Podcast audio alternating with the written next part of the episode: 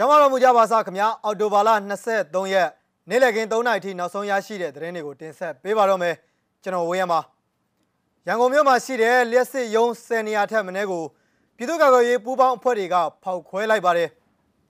ဒဇယ်မြို့မှာတော့စစ်ကောင်စီတပ်ဖွဲ့ဝင်တွေမိုင်းဆွဲတိုက်ခိုက်ခံရလို့စစ်သား3ဦးသေတယ်လို့သိရပါတယ်စစ်ကောင်စီရဲ့ဖေကုံခမရ336တက်ကို PDF တပ်သား9ယောက်ကဝင်ပြီးတော့ပြစ်လိုက်ပါတယ်ဒီတိုက်ပွဲမှာတော့ တနက်၅လက်သိမ်းစီလာနိုင်တယ်လို့သိရပါတယ်ခင်ဗျာဒီသတင်းတွေနဲ့အတူဒီကနေ့နေ့လယ်ပိုင်း3နာရီထိနောက်ဆုံးရရှိတဲ့သတင်းတွေကိုတင်ဆက်ပေးမှာပါပထမဆုံးအနေနဲ့တင်ဆက်ပေးချင်တဲ့သတင်းတစ်ပုဒ်ကတော့ရန်ကုန်မြို့မှာရှိတဲ့လျှက်စစ်ရုံး10နေရာထက်မနည်းကိုပြည်သူ့ကာကွယ်ရေးပူးပေါင်းအဖွဲ့ကဖောက်ခွဲခဲ့ကြောင်းမနေ့ကအော်တိုဘာလ22ရက်ညပိုင်းမှာရန်ကုန် Revolution 4 YRF ကသတင်းထုတ်ပြန်ထားပါတယ်ရန်ကုန်တိုင်းအတွင်းမှာရှိတဲ့လျှက်စစ်ရုံးတွေဟာစစ်ကောင်စီရဲ့အလို့ကျလျှက်စစ်မီတာခတွေကို အတင်းအဓမ္မအကြမ်းဖက်နီလန်းနေနဲ့ဖိအားပေးကောက်ခံတာတွေလျှက်စစ်မီဖျက်တောက်တာတွေဒါတွေကိုပြုလုပ်နေတဲ့အတွက်ခုလိုဖောက်ခွဲလိုက်တာဖြစ်တယ်လို့ထုတ်ပြန်ချက်မှာပါရှိပါတယ် YRF အနေနဲ့မနေ့ကမယန်းကုန်းမြို့နယ်မှာရှိတဲ့ရှစ်မိုင်လျှက်စစ်ရုံးကိုသူတို့ရဲ့မဟာမိတ်တပ်ဖွဲ့ဖြစ်တဲ့ YRYF နဲ့အတူတိုက်ခိုက်ဖောက်ခွဲမှုပြုလုပ်ခဲ့တယ်လို့သိရပါတယ်ခင်ဗျာလျှက်စစ်ဌာနဝန်ထမ်းတွေအနေနဲ့ပြည်သူလူထုရဲ့ဆန္ဒကိုစန့်ကျင်ပြီးစစ်ကောင်စီရဲ့အကြမ်းဖက်လမ်းစဉ်တွေအတိုင်းဆက်လက်လှုပ်ဆောင်နေမယ်ဆိုရင် မြို့ပြဒေါ်လာရေးအင်အားစုတွေအနေနဲ့ခုထပ်ပုံမပြင်းထန်တဲ့တိုက်ခိုက်မှုတွေပြုလုပ်သွားမှာဖြစ်တဲ့အကြောင်း YRF ကသတိပေးပြောကြားထားပါတယ်ပြည်သူလူထုတရားလုံးအနေနဲ့လည်းစစ်ကောင်စီထံကိုအခွန်ငွေတွေပေးဆောင်တာတွေမပြုလုပ်ဖို့နဲ့စစ်ကောင်စီရဲ့ဝင်ငွေရနိုင်တဲ့ယုံအဆောက်အုံတွေအုပ်ချုပ်ရေးယုံတွေတက်ဆွဲထားတဲ့နေရာတွေစစ်ကောင်စီရင်နှန်းတွေကိုရှောင်ကျဉ်သွားလာဖို့လဲအဖွဲ့ကအထူးသတိပေးတိုက်တွန်းထားပါတယ်။တကုံမျိုးစစ်တောင်ပိုင်းကမာရော့ပြည်လန်းလှိုင်းသာယာတင်ငန်းကျွန်းလှိုင်းရန်ကင်းအလုံး အင်းစိန်မြောက်တကုံအပါဝင်မြို့နယ်12ခုကလျှက်စစ်မီတာယုံ12ခုမှာမနေ့ကပောက်ကွဲမှုတွေဖြစ်ပွားခဲ့ကြောင်းသတင်းမီဒီယာတွေမှာဖော်ပြထားပါတယ်ခင်ဗျာ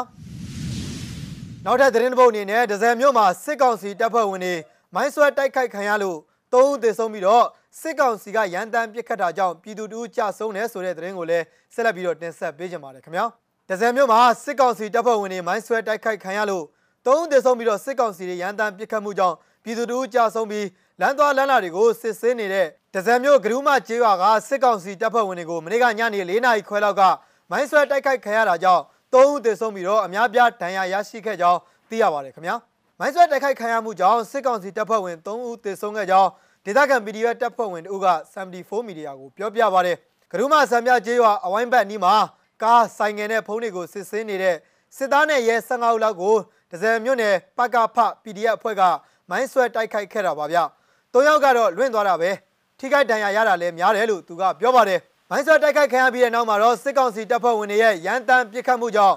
လမ်းပေါ်မှာဆိုင်ငယ်နဲ့ဖြတ်တန်းသွားလာတဲ့အမျိုးသားတအူရေအောင်ကြီးထိမှန်ကြာဆုံးခဲ့ရကြောင်းရက်ကွက်နေပြည်သူတို့က74မီဒီယာကိုပြောပါတယ်။ကပောင်းကြကျေးရွာကိုစစ်အင်အားထပ်မံဖြစ်တင်းမှုထွက်ခွာလာတဲ့စစ်ကောင်စီရင်နှန်းကိုအော်တိုဘာလ19ရက်နေ့ည9:00နာရီလောက်က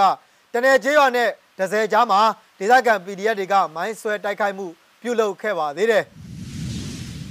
နောက်ထပ်သတင်းတစ်ပုဒ်အနေနဲ့ရှမ်းပြည်နယ်တောင်ပိုင်းဖဲခုံမြို့မှာရှိတဲ့အကြမ်းဖက်စစ်ကောင်စီရဲ့ချင်းမြန်တရင်ခမရ336တန်ဝန်းအနောက်ဘက်ဂိတ်ပေါက်ကိုပြည်သူ့ကာကွယ်ရေးတပ်သား9ယောက်ကဝင်ရောက်ပစ်ခတ်ခဲ့ပြီးတော့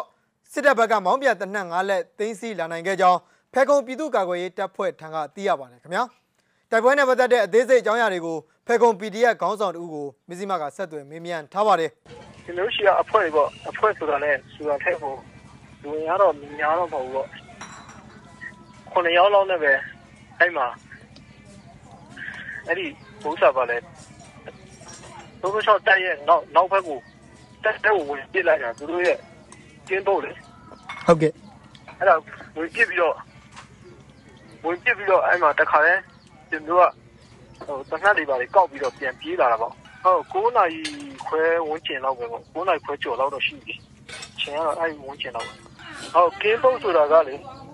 ဒီရှိရလေတက်ရဲ့ဟိုရှေ့ထွက်ပေါက်နောက်ထွက်ပေါက်မျိုးတွေရှိတယ်လေအဲအဲ့လိုမျိုးတက်အဝင်ဝိုင်းရှိတယ်ပေါ့အဲ့ဒီအဝင်ဝိုင်းကြီးထဲမှာမှရှေ့ပေါက်မဝင်နဲ့နောက်နောက်နောက်မှရှိတဲ့ကင်းပုတ်ကင်းပေါ့ဟုတ်ကဲ့ကျွန်တော်တို့တွေကအဲ့မှာဟိုညမောင်တဲ့ခါကျတော့ထွက်ပြေးတဲ့လူတွေရှိကောင်းရှိနေမှထင်တယ်9ယောက်ထဲတော့စောင့်ကြည့်မှလည်းစောင့်မှာဒါပေမဲ့ကျွန်တော်တို့တွေဟိုလုံးလို့ရတဲ့အဲ့မှာတခါတည်း9ယောက်ကတော့ပြီးတဲ့9ယောက်ထဲတော့ မကကျင်လည်းမကောက်ဘူးဒါပေမဲ့ကျွန်တော်တို့တွေရတဲ့ဥစ္စာတော့9ယောက်ထက်မနည်းတော့ရှိလိမ့်မယ်အဲ့ဒီပြီးတော့လူတွေရဲ့မနှက်တွေအဲ့လိုမျိုးပေါ့ MA3 3လက် MA1 တစ်လက် MA2 တစ်လက်စုစုပေါင်း9လက်ပေါ့အဲ့ကျွန်တော်တို့တွေသွားပြစ်ပြီးတော့အဲ့ကင်းဘုတ်ကိုဝင်စီးလိုက်တာပေါ့ဝင်စီးလိုက်ပြီးတော့မှဟိုချက်ချင်းပြန်ဆုတ်လာပြီးတော့မှခဏနေလက်နဲ့ကြီးလက်နဲ့ငယ်နေနဲ့ဝိုင်းထူကြတာပေါ့အဲထူလာကြတော့ကျွန်တော်တို့ကတော့ကျွန်တော်ရှိရလူကအစကတည်းကလူနည်းနည်းနဲ့ပဲ ဒီလိုပဲချစ်ချစ်လေးလေးလှုပ်လှုပ်ပြီးတော့နောက်ကိုပြန်လာတယ်သူတို့ကလက်နဲ့ကြီးတွေနဲ့လက်နဲ့ငယ်တွေနဲ့တညာလုံးကြီးကဆွဲတယ်နောက်မင်းညာကမြို့ထဲကိုလက်နဲ့ငယ်တွေလည်းပါတယ်လက်နဲ့ကြီးကအလုံး30လောက်ရှိတယ်လူတွေရက်ွက်တွေပင်ကြီးတွေတော်တော်ပျက်စီးကုန်တယ်အဲကျွန်တော်တို့ကသူတို့ကလိုက်လို့လည်းမရဘူးကျွန်တော်တို့ကဒီဘက်နောက်ဘက်ကဆိုတောထဲဝင်ပြီးတော့ကျွန်တော်တို့ဘက်ကိုမရတော့အဲ့ဒီတောင်ကုန်းဒီတက်ထဲကနေပြီးတော့တောက်လျှောက်မြို့ထဲကိုည2နာရီ3နာရီစီတောက်လျှောက်ပြစ်တာ လူတွေလည်း တညာလုံး မအိတ်ကြရဘူး နောက်ပြီးတော့ အိမ်တွေ အဆောက်အဦတွေ ပျက်စီးတာတွေလည်း တော်တော်ရှိတယ် ဒီကနေ့ နေ့လယ်ပိုင်းရဲ့ နောက်ဆုံးသတင်းပုတ်အနေနဲ့ အမေရိကန် ရုပ်ရှင်ရိုက်ကွင်းမှာ ရိုက်ကွင်းသုံးတနက်နဲ့ပြစ်ခတ်မှုကြောင့် အမျိုးသမီးတဦး သေဆုံးတယ်ဆိုတဲ့ AFP ရဲ့ သတင်းပုတ်ကိုလည်း ဆက်လက်ပြီးတော့ တင်ဆက်ပေးကြပါရစေခင်ဗျာ New Mexico က ရုပ်ရှင်ရိုက်ကွင်းတစ်ခုအတွင်း American တရုတ်ဆောင်မင်းသား Alec Baldwin ရဲ့ ရိုက်ကွင်းသုံးတနက်ပြစ်ခတ်မှုကြောင့် တရုတ်ဆောင်အမျိုးသမီးတဦးသေဆုံးခဲ့ပြီးဒရိုက်တာဒဏ်ရာရရှိခဲ့တယ်လို့ဥပဒေအရာရှိတွေကအော်တိုဘာလ22ရက်ကြာသပတေးနေ့ကပြောကြားလိုက်ပါတယ်။ဒီမတော်တဆဖြစ်ရဟာ American တောင်ပိုင်းပြည်နယ် Rest မှာဖြစ်ပွားခဲ့တာဖြစ်ပြီး19ရာစုကောင်းပိုင်ဇက်ကားတကားကို Baldwin ကဥဆောင်ရိုက်ကူးနေတာဖြစ်ပါတယ်။၎င်းကရိုက်ကွင်းသုံးတနက်နဲ့ပြစ်ခတ်လိုက်ချိန်မှာဟာလင်နာဟက်ချင်နဲ့ဂျိုးဆူဆာတို့နှစ်ဦးကိုထိမှန်သွားခဲ့တာဖြစ်တယ်လို့ရှန်တဖေးရဲအရာရှိတူကဆိုပါတယ်။ ဟက်ချင်42နှစ်ကိုဟယ်လီကော်ပတာနဲ့စေးရုံပို့ခဲ့ပေမဲ့ဒဏ်ရာကြောင့်သေဆုံးသွားခဲ့ပြီးဆူဆာ49နှစ်ကိုတော့လူနာတင်ရင်နဲ့ပို့ဆောင်ပြီးစေးကူတာမှုပေးထားတယ်လို့ဆိုပါတယ်။မစ္စတာဘော်ဒဝင်ကိုစုံတောက်တွေကစစ်ဆေးမေးမြန်းခဲ့တယ်လို့ရှန်တဖေးရဲစကန်ကပြောခွင့်ရ